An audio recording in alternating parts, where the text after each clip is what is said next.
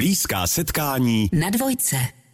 Přiznám se, milí posluchači, že dnešek je pro mě trochu zvláštní, protože mého hosta znám vlastně od jeho tří měsíců. S jeho maminkou, herečkou Pavlou Vojáčkovou jsem zkoušela v divadle, takže tam s námi pochopitelně dost často byl. Psal se rok 1992 a tehdy mě ani ve snu nenapadlo, že on půjde ve stopách svých rodičů, tedy že se z něj stane herec, a já, že budu moderovat notabene na vlnách Českého rozhlasu dvojka pořád blízká setkání. Je to tak? Je to realita? Mým dnešním hostem je herec a vynikající muzikant Ondřej Rychlý. Děkuji za pozvání. Ahoj. Ahoj. Vítám tě, prosím tě, jak jsi na nás tety vlastně pohlížel, když jsme vždycky říkali, ježi, ty jsi vyrost, ale to snad není možný. Já jsem, to, já jsem to miloval, já jsem to miloval, já jsem se dokonce přistihl, že jsem začal i žádlit na ty mladší děti, kteří přišli a oni byli ty, tady ty, kolem kterých jste se motali, ale já jsem to bral, že mám prostě 100 tet a strejdů a byl jsem úplně hotový z toho. A děláš to ty teď ostatním dětem, třeba svých kamarádů? No jasně, jo, taky. hlavně taky svým dětem, že, že taky beru pořád, takže jako jo. Já jsem si vždycky vzpomínala na film, co, kdo pak to mluví, mluví, myslím, mm-hmm. kde vlastně byl ten hlas toho dítěte, co si asi myslí. Tak jsem si říkala, co jsi o nás myslel ty. Ale myslel si o nás hezký věci. Mně to přišlo fascinující, protože jste byli vždycky jiný a taky, že jo, to byl ten důvod, proč jsem to pak začal dělat. Já jsem se do toho zamiloval. Tak to je skvělý a je to dobře, že jsi se do toho zamiloval, protože za chvilinku o tom bude řeč. V úvodu jsem vlastně zapomněla říct, že ty jsi nejen herec, vynikající muzikant, ale také režisér. Ondřej Rychlý, kdyby náhodou někdo zapnul přijímač až teď. Eh, samozřejmě nemůžeme asi začít jinak než muzikálem Anděl Páně, protože ten už jenom, jak jsem to řekla, že si o tom budeme povídat, tak si se usmál a řekl si, o tom mohu mluvit půl hodiny. Tak protože máš Děkuji. ve svém životě tolik témat, tak ti to asi nedovolím úplně na půl hodiny, ale aby jsme taky probrali něco víc. Ale určitě tím začneme. Čekali jste, že to bude takový fenomén? Eh, ne, to jsme nečekali a já hlavně jsem jako do toho eh, vstupoval, eh, a to můžu říct, že s Ondrou Brzobatným jsme to řešili s, s trošku jako s předsudkama jako k muzikálu a právě mě to krásně rozpustilo všechny předsudky a naopak jsem jako nabil obrovskou pokoru jako k té tvorbě muzikálový a věděl jsem, že ta pohádka je fenomén, věděl jsem, že stojíme jako na ram, ramenou té úžasné, úžasné pohádky, ale to, že to bude jako takováhle věc, tak to, to jsme jako nikdo netušili. Ale to, že jako je to takhle divá divácky oblíbený, to je jako jedna věc, to je jako je samozřejmě úžasný, ale jako za mě to, to nejcennější je, že ten vnitřek, jako to jsem jako nezažil, že to je taková obrovská kolektivní vlna jako radosti, z toho setkání vůbec, tam se to tak sešlo, že, mm. že bych jako nelhal, že do posledního technika vlastně, tam všichni jako to mají rádi. A to je jako pro mě jako vždycky jako zážitek. A na jevišti jsi stál poprvé, myslím, v Karlině? Jako... A v Karlině poprvé a muzikál vlastně obecně taky úplně poprvé. Takže pro mě bylo všechno nový. Takže když se tam objevil orchestr, tak mi úplně vybouchla hlava, jako přišel hmm. kouzelník, předal nám kouzla. Já jsem každý týden byl úplně jako v... Jiříkově vidění fakt jsem tam jako plaval v tom medu těch, ale tak těch obrovsky talentovaných, úžasných jako lidí. Fakt právě říkám, půl hodiny bych o tom mohl mluvit, protože pro mě to byl takový dar, protože se mi dostala ta hudba do života víc a byl to nádherný jako úkol, eh, každý den jsem vlastně tancoval, zpíval, to taky vlastně to fakt léčí, ten pohyb, ten zpěv, mě to strašně, strašně mi to dalo, přátelství mi to dalo, eh, jako a Martin Čičvák, Ondra Brzobatý, úžasný tandem, Lucie Konášová taky tam byla často ta, co napsala tu původní pohádku. Úžasný to bylo. Jako Mě to ještě úžasný. ale o to úplně původní rozhodování, protože ty si vlastně prošel těmi scénami jako v dlouhé, v činoherním klubu. Jsou to všechno vlastně menší scény. Určitě si v hudebním divadle seděl jako divák a líbilo se ti to tam určitě, ale stát na tom jevišti je asi úplně něco ještě jiného. To je. Eh, a je to právě úplně ne, jako neuvěřitelný pocit, jako ne, to se nedá s něčím jako srovnat. Ale i to, že vlastně ten muzikál má to, že eh, herec dostane plnohodnotnou děkovačku téměř po každém výstupu, protože skoro každý výstup končí nějakým jako, že, jo, že něco předá nějaký třeba píseň nebo něco. Mm. A to je pro mě jako, že vlastně te, to, co jsem jako nezažil, že to je taková vlna té zpětné vazby. A pak přijdu do toho. Pak jsem měl chvilku, že jsem přišel do činoherního klubu a přišel jsem a nikdo nezatleskal. Já jsem byl úplně, co se děje, jako, co se děje. Ale eh, ne, ale to rozhodování bylo, jako dal jsem si třeba týden, jsem nad tím přemýšlel, protože jsem si říkal, jestli vůbec já na to mám, protože nejsem, že trénovaný zpěvák vlastně a i na to vlastně narážím, musel jsem hodně, hodně jako se jako dorovnávat těm jako fakt zpěvákům, že jako je třeba Lukáš Janota nebo, nebo Roman Tomeš, prostě ty, co fakt jako to mají vycvičený a, a zároveň říkám ty, ty předsudky trošku k tomu muzikálu, ale Ondra právě krásně říkal, že to chce sestavit z těch činoherců, že nejdřív jsem si říkal, co abych tam jako činoherec dělal, ale když mi pak jmenoval ty jména jako Verunka Kubařová, nevím, Mára Lambora, Anička tak eh, Fialová. Anička Fialová, přesně, takže mě to najednou dávalo smysl a říkal jsem si, tak to by mohlo být vlastně úplně výjimečné setkání a, a bylo to tak. A pan režisér tě tedy neoslovoval, byl to Ondřej? Byl to vlastně, on, oni byli spolu, oni mi jako zavolali jako oni spolu, ale když jsem se ptal, tak vlastně to vzešlo z Ondry, což mě vlastně překvapilo, protože my jako jsme se potkávali a jsme vlastně kamarádi, ale, ale uh, ani jsem nevěděl, že, nebo, nebo docela mě právě překvapilo, že, že to právě přišlo od něj, protože s Martinem jsem jako pracoval, už jsem měl jako něco naskoušeného, takže jsem si myslel, že přirozeně to bude jako od něj, ale pak oni se nějak jako na tom shodli a, ale ty jako muzikant si určitě musel dostat jako první do ruky tu hudbu. A to si smyslel co? To jsem dostal. to jsem... Uh, nebo to jsem si zase říkal. říct, jestli to třeba zaspíváš, nebo já myslím jako z tohohle hlediska. Jasně, no tak bylo jako to tak, že prvním... jsem dostal jsem tu hudbu, vím, že jsme byli na chalupě, že jsem jel, úplně jsem se odpojil od rodiny a jel jsem takhle uh, furt. Uh, jednak jsem si říkal, že to bude dlouhý, uh, ale tak to byly demáče naspívaný od Ondry, takže to bylo to strašně vtipný, protože tam Fistulí zpívá tu Dorotku, že jo, a všechno to hraje a je vidět, jak ho to baví.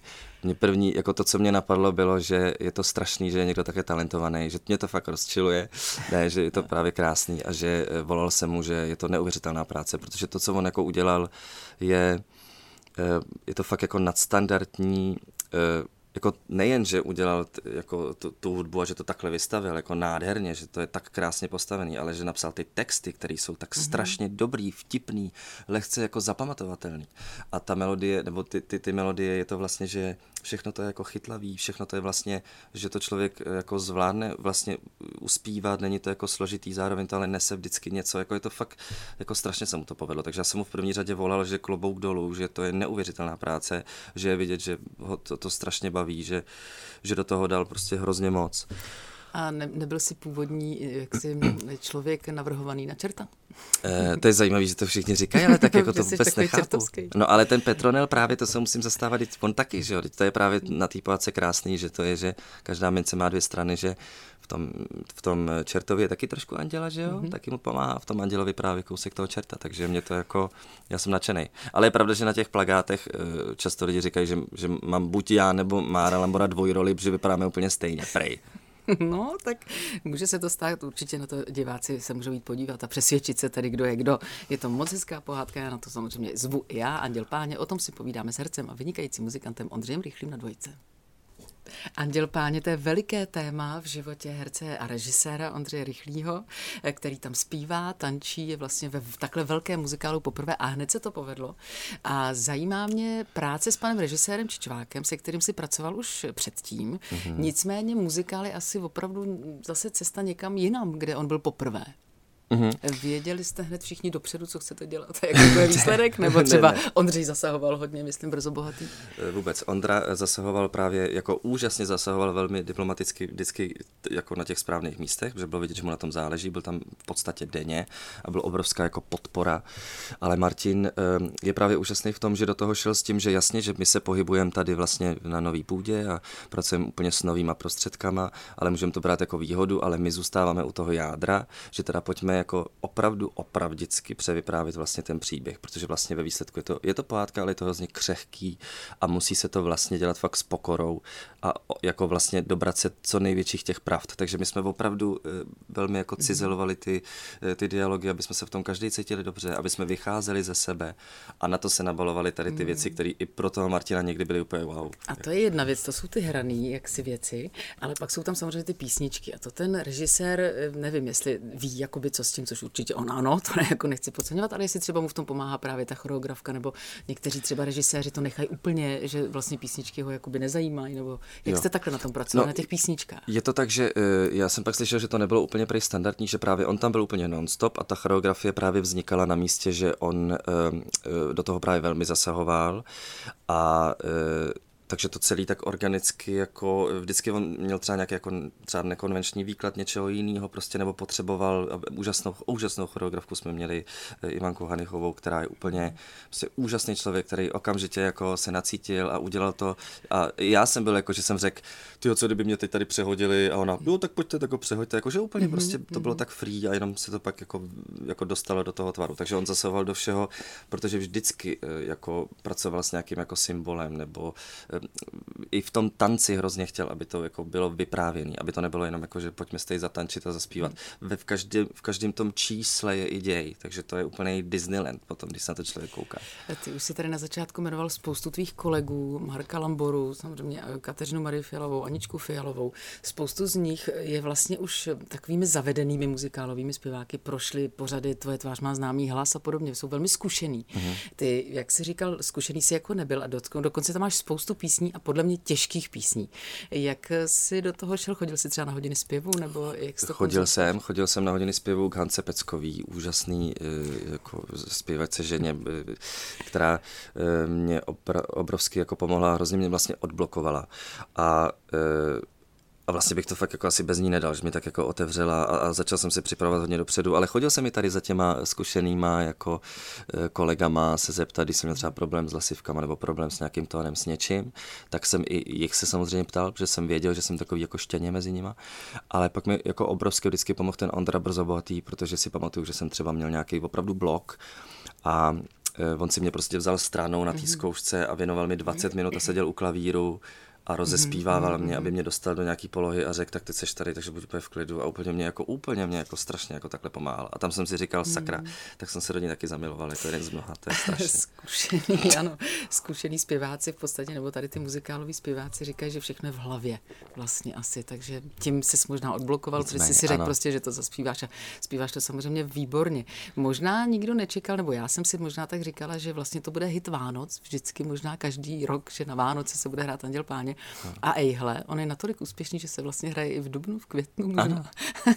Končíte i v létě, nebo v tomto jarním období budete končit Mysl, koledou? myslím si, že jo, ale no tak přes léto se to zase zastaví, aby byl prostor pro dal, další muzikál a já si myslím, že právě to na tom hezký, že já taky jsem si vždycky říkal, proč se cukroví nepeče přes celý rok, že je jako dobrý, že jo, mm takže vlastně ono to má o Vánocích zvláštní nějaký jako jiskření a fakt je to cítit a je to nádherný, ale zase je krásný, že si může fakt člověk ty Vánoce dát trošku jako kdykoliv. A je to vlastně jako, jako vlastně to je vtipný, jako. ale sněží konec... nám tam, takže jako, jo, jo. ten člověk si jako nadechne těch Vánoc takhle kdykoliv během roku, tak mi to přijde jako docela hezký tah. Takže narodil se Kristus Pán bude i v květnu. Ano, je to tak. Ještě se nemohu nezeptat na tvého staršího syna, eh, Tobiáše, jestli to s tebou zpíval, učil si ty písničky, zná je všechny, zná byl tam na zkouškách, mm, líbí se zná mu to. všechny, líbí se mu to, byl na zkouškách, ale tam se furt jenom zavíral do klecí a zkoušel si ty, že jo, ty eh, a a ještě to neviděl, což mě jako mrzí, že ještě jsme se nedostali k tomu, že by to celý viděl. Jo, on to ještě neviděl. Moje dcera Františka viděla podle mě jednu půlku, tam žumlala rohlíka, dala to celý úplně v pohodě a on vlastně takový roztěkaný to neviděl. Ale miluje to, on i říká, ať, ať, ať, ať pustím nějakou písničku, nebo že si, ať si to jako vyzkouším, že já musím jednou za čas doma si to dát, tak si to dám vlastně s těma dětma. Takže trénuješ i mimo to, kdy se to hraje? No taky, že samozřejmě, no. Ano. Samozřejmě. Tak je to fakt opravdu říkám, že eh, jako mám velkou eh, eh, pokoru k tomu, musím furt, furt jako No, furt si to musím opakovat, chci, protože tam člověk už potom si pak musí být tak jistý, že když se rozjede ten vlak, tak ho fakt nemůže nic zastavit. A, a, a člověk fakt nechce, aby zastavil ten, ten obrovský vlak, takže já prostě pak už musím být perfektně připravený vždycky. A to je dobře. Říkám můj dnešní host, herec a režisér vlastně Ondřej Rychlý. V divadle jsme byli, byli jsme v hudebním divadle Karlín, teď se dostaneme ještě do jiných divadel, protože můj dnešní host, herec Ondřej Rychlý, je samozřejmě, má ten rozptyl obrovský. Začínal si v divadle na Filovačce možná, to ti bylo málo, pak mm-hmm. se přes Vinohrady dostal do Plzně, mm-hmm. pak si šel do Dlouhý, teď mm-hmm. si mhm. možná v Činoheráku, i v Dlouhý a v hudebním divadle Karlín. Je to tak? Je to všechno? Je to tak, je to tak, ale teď jsem momentálně mám takový přelomový období, že jsem opustil angažmá v divadle v Dlouhý, v Dobrým a, mm-hmm. a teď jsem všude host. Ty jsi všude host. Hmm. Angažmá tě svazuje? No, já jsem měl takový jako... Uh, jako vyhoření je to nejbližší slovo, asi taky trochu vyhoření před prázdninami, musel jsem udělat nějakou radikální změnu a vlastně se dobrat jako větší svobody, takže jsem tak jako se osvobodil pro sebe a pro rodinu a, hmm. pardon, a, a jo, trošku by mě svazovalo, no, už nějak potřebuji strašně jako mít, mít možnost vlastně té volby a strašně vlastně mi to vyhovuje. to je docela překvapivý. Eh, další spojitost vlastně s Ivanem Trojanem mě napadla, že ano. z Vinohradského divadla mu řekli, jeho tatínek se neodchází. Tehdy, když on odcházel do Davidského divadla, vlastně neznámého malého divadla, tak tehdy si pamatuju, že jeho tatínek právě nad tím tak se tak pozastavoval. A ty si vlastně taky dokázal z Vinohrad odejít vlastně já do jsem, Plzni. Nebo... Takhle, já jsem nebyl v angažmá v tu dobu, vlastně mm-hmm. jsem tam mm-hmm. taky hostoval a věděl jsem, že, protože mi všichni říkali, vy vlastně jste mi všichni říkali, že, mm. že se herec opravdu musí ohrát a že na té oblasti je to nejlepší a je to prostě tak. Já jsem věděl, že na Vinohradech bych sice byl a je to krásný, bylo by to jako prestiž nějaká, ale asi bych si tam tolik nezahrál a tolik bych se jako neohrál.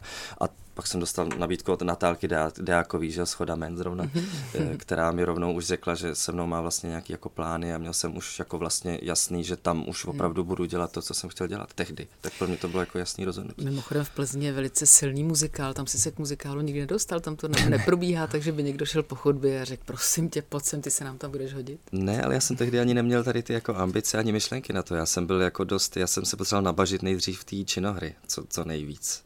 Takže tohle pak se stalo ve správný moment s tím andělem. Nemyslím si, že dřív bych i přijal nějakou roli muzikálu. Myslím si, že mhm. právě, že ne.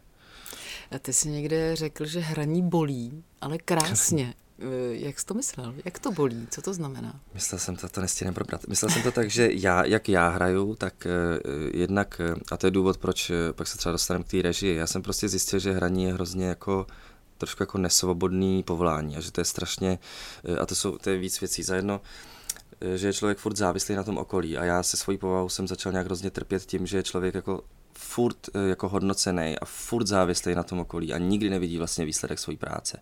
A já jako trošku tvůrčí člověk od přírody, tak jako když se jenom člověk spolíhá na to, co mu kdo řekne a každý má jiný vkus a nikdy se člověk nezavděčí všem, tak jsem si říkal, tak to je vlastně, to je vlastně strašný, to je mhm. strašný, protože já se sebou spokojený nemůžu být nikdy vlastně.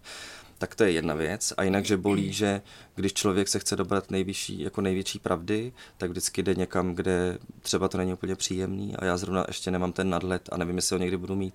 Že když hraju takový role jako třeba Ekus v činoherním klubu nebo Koncent v činoherním hmm. klubu, to jsou tak temný vlastně eh, zákoutí, kde já vždycky opravdu si musím hrábnout někam, kde to není úplně příjemný. A neumím to vlastně dělat jinak. Ne, nemám ještě úplně ten nadhled nad tím, že bych si to jako uměl vytáhnout. Vždycky se trošku zahnípu, takže to je to, o čem jsem mluvil, že to je trošku jako hmm. bolavý. Hmm. Tak to a nosíš si to domů, nebo si stačí dát Nosím v to, pivo? Ano, v taškách, úplně, úplně si to nosím domů, jo. Ne, myslím, jestli třeba stačí opravdu jako tak polevit, popovídat si o tom v tom divadle, dát si tam to malý pivo a pak jít domů vlastně úplně jako v pohodě? No někdy to je work in progress furt, já, to je ten, to, co se snažím furt najít, takže jako někdy to jde, někdy to nejde, jako, takže se samozřejmě snažím přijít domů jako skvělý, šťastný táta a někdy to obnáší to, že musím třeba jít domů třeba pěšky v té noční Praze a poslouchat hudbu a tak, takže jo, takže mám takový jako různý rituály, ale vím, že to je právě ještě další věc, že to herectví právě, že furt je člověk zafokusovaný jako do sebe, takže jsem si to hodně nosil domů.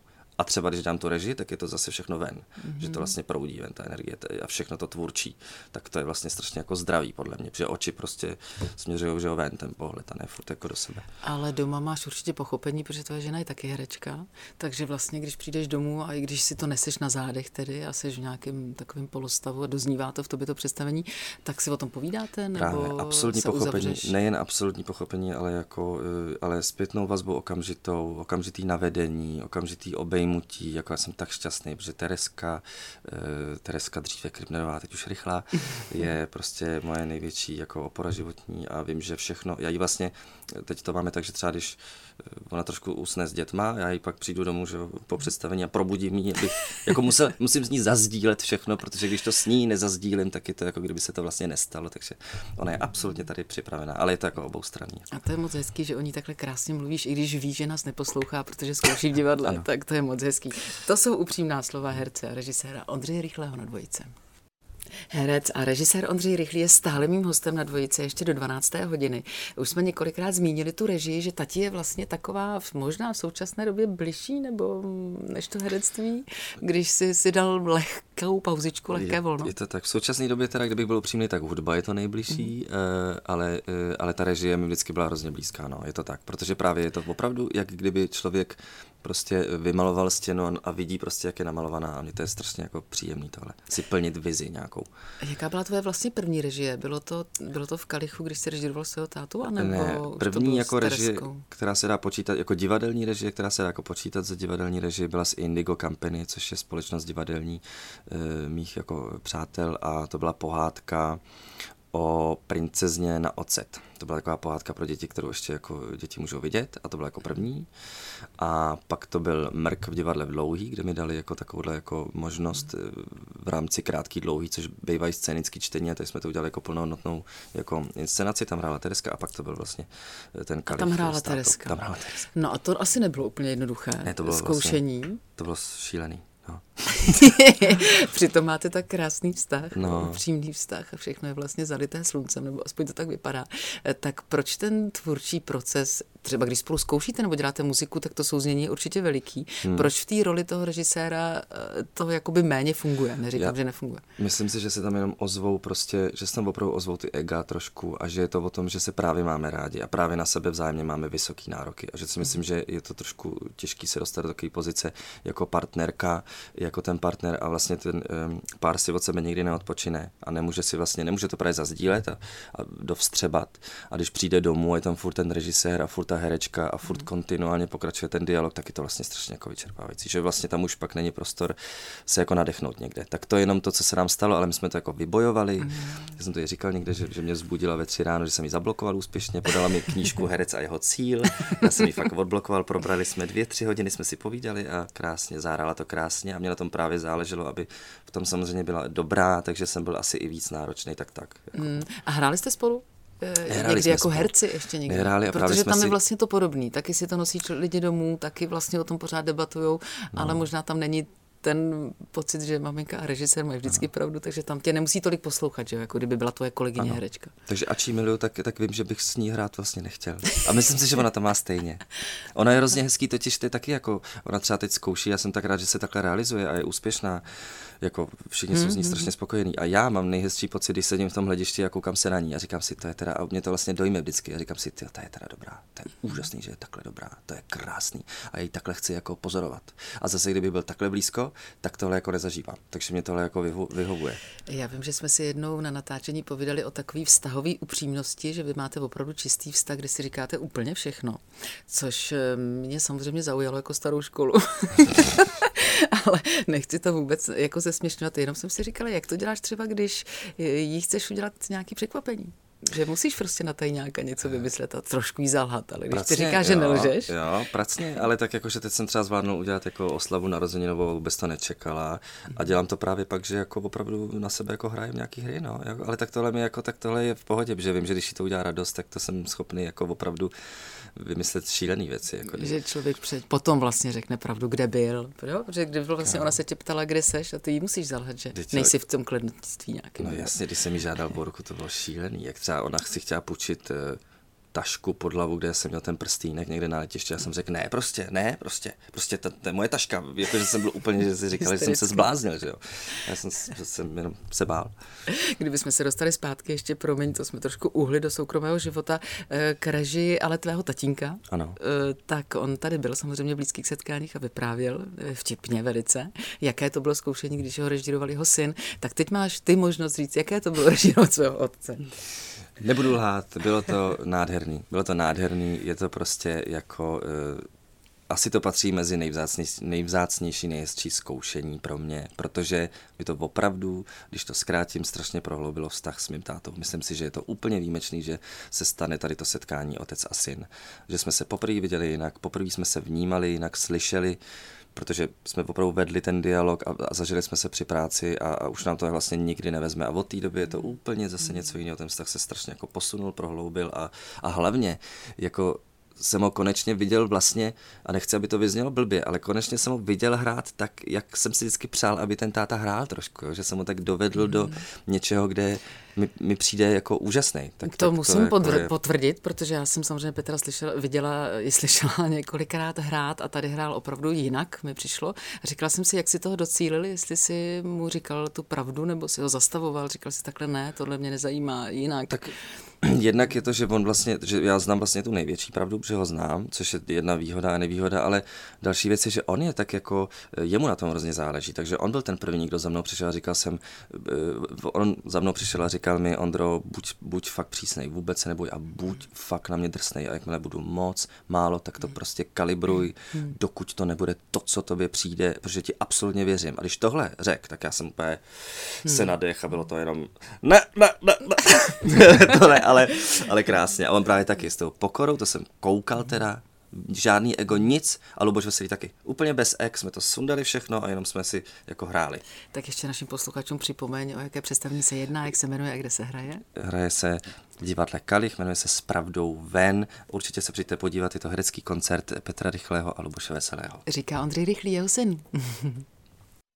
Ondřej Rychlý, herec, eh, muzikant, režisér, prostě všechno v jednom, tanečník v podstatě, protože v muzikálu též tančí, eh, tak je mým hostem dnes a já bych se ještě od té režie, od toho hraní dostala k dalšímu hraní a to je rozhlasové hraní, protože my jsme vlastně na půdě Českého rozhlasu dvojka a dost často tě tady slyšíme. Já jsem zaregistrovala tvůj možná první počin, Velký Gatsby, nevím, možná mm-hmm. už to byl několikátý, ale takový velký počin. Ano. Eh, to bylo s Lukášem Hlavicou a s ním spolupracuješ častěji? Tady, ano, na vlastně, jo, vlastně s Lukášem Hlavicou, nějakým zázrakem a ještě s Alešem Brzákem nejčastěji.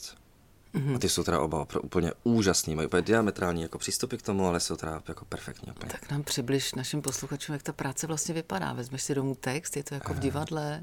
Je to tak, že mi v divadle na vrátnici nechají text, mm-hmm. ten si jako pročtu eh, a potom máme třeba Lukáš dělá, což je teda úžasný, že Lukáš třeba udělá jako čtený zkoušky ještě mimo na, na, jako natáčení, kde právě ještě mě, ještě mě ještě posazuje opravdu oproti těm legendám, jako že už jsem se fakt setkal, že třeba Ivan Trojan jako, mm-hmm. nebo, nebo pan Price, nebo, nebo Sommer, prostě jakože fakt najednou čteme, jak kdyby jsme to měli udělat a je to, je to fakt jako pro mě, to jsou úplně výjimečný, výjimečný, úžasný setkání.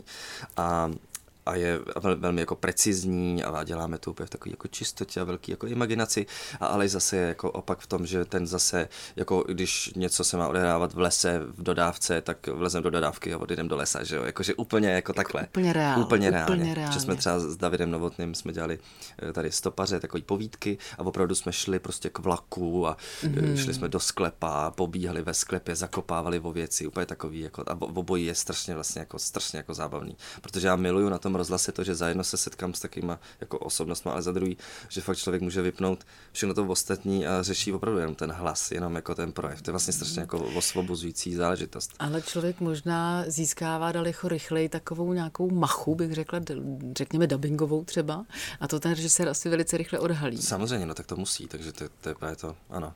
Ano, a to už je na nich, to už musí oni okamžitě, ale to se děje i na divadle, že jo, jakmile mm-hmm. se tohle mhm. stane, tak ty, ten režisér se musí jako vrátit do těch kolejí Je to daleko těžší než divadlo, člověk by si řekl, že vlastně třeba i číst jako audioknihu, že si tak jako to přečte, všechno ví, že to, ale jakmile nás ten divák nevidí, tak je to přece daleko těžší ne? To eh. zahrát tak, aby měl ten pocit, že mě vidí. Jo takhle, nevím, nemyslím si. Já zase, že to poslouchám často jako četbu a tak já mám zase jako, že miluju to, že já si jako dopředstavím ty věci a jsem mnohem víc zasoustředěný právě na ten projev, na ten hlas. Na divadle spoustu věcí uniká, protože těch věmů je hodně. Tady je super, že to slovo je vlastně slyšet a že člověk opravdu si ten příběh prožije jako podle mě jako mnohem zasoustředěný. A hlavně ta práce s tím zvukem je taková, že ten režisér může velmi pečlivě vybrat, kudy jako přesně toho posluchače vede, což je vlastně taky jako strašně jako zábavný. Tak my si teď pustíme takový důkaz toho, že máš pravdu, že tady skutečně seš v Českém rozhlase, že to umíš. Pustíme si mikrokomedii Rodíme, pak si o něco řekneme. Eh, tak pardon, my jsme si tady úplně za, zamluvili, zaposlouchali, eh, protože jsme tady zmínili, já jsem si tady všimla v obsazení eh, tady té mikrokomedie, že tam také hrála Kateřina Marie Filová, tak jsem jenom zmínila, že jsme si tady s ní právě mluvili o Olmerce, kde ty si hrál jejího manžela, mm-hmm, myslím, mm-hmm. A, ty si tedy odpověděl, že jste to natáčeli i v leže, takže i tak se to dá. tak se, ale rodíme tedy, kdybychom se k tomu měli nějakým způsobem vyjádřit, tak to dělal právě Lukáš Lavica. Ano, to dělal právě Lukáš. Takže všechno ve studiu. Všechno ve studiu, ale s tím nejkrásnějším vedením. Tak my jsme moc rádi, že to děláš, protože nám to činí velikou radost a myslím, že našim posluchačům určitě taky. A dostaneme se ale k muzice, protože já jsem na začátku říkala, že ty jsi vynikající muzikant od pěti, čtyř let si hrál na housle. Což, no, je tvůj název, a potom no. na klavír. Ano. a tak tě tak vnímám jako fenomenálního člověka, kterých tady je pár v republice, jako je třeba Ondřej Brzobohatý nebo uh, Ondřej Brousek. No a tak nám řekni, jak tě ta hudba v současné době zaujímá.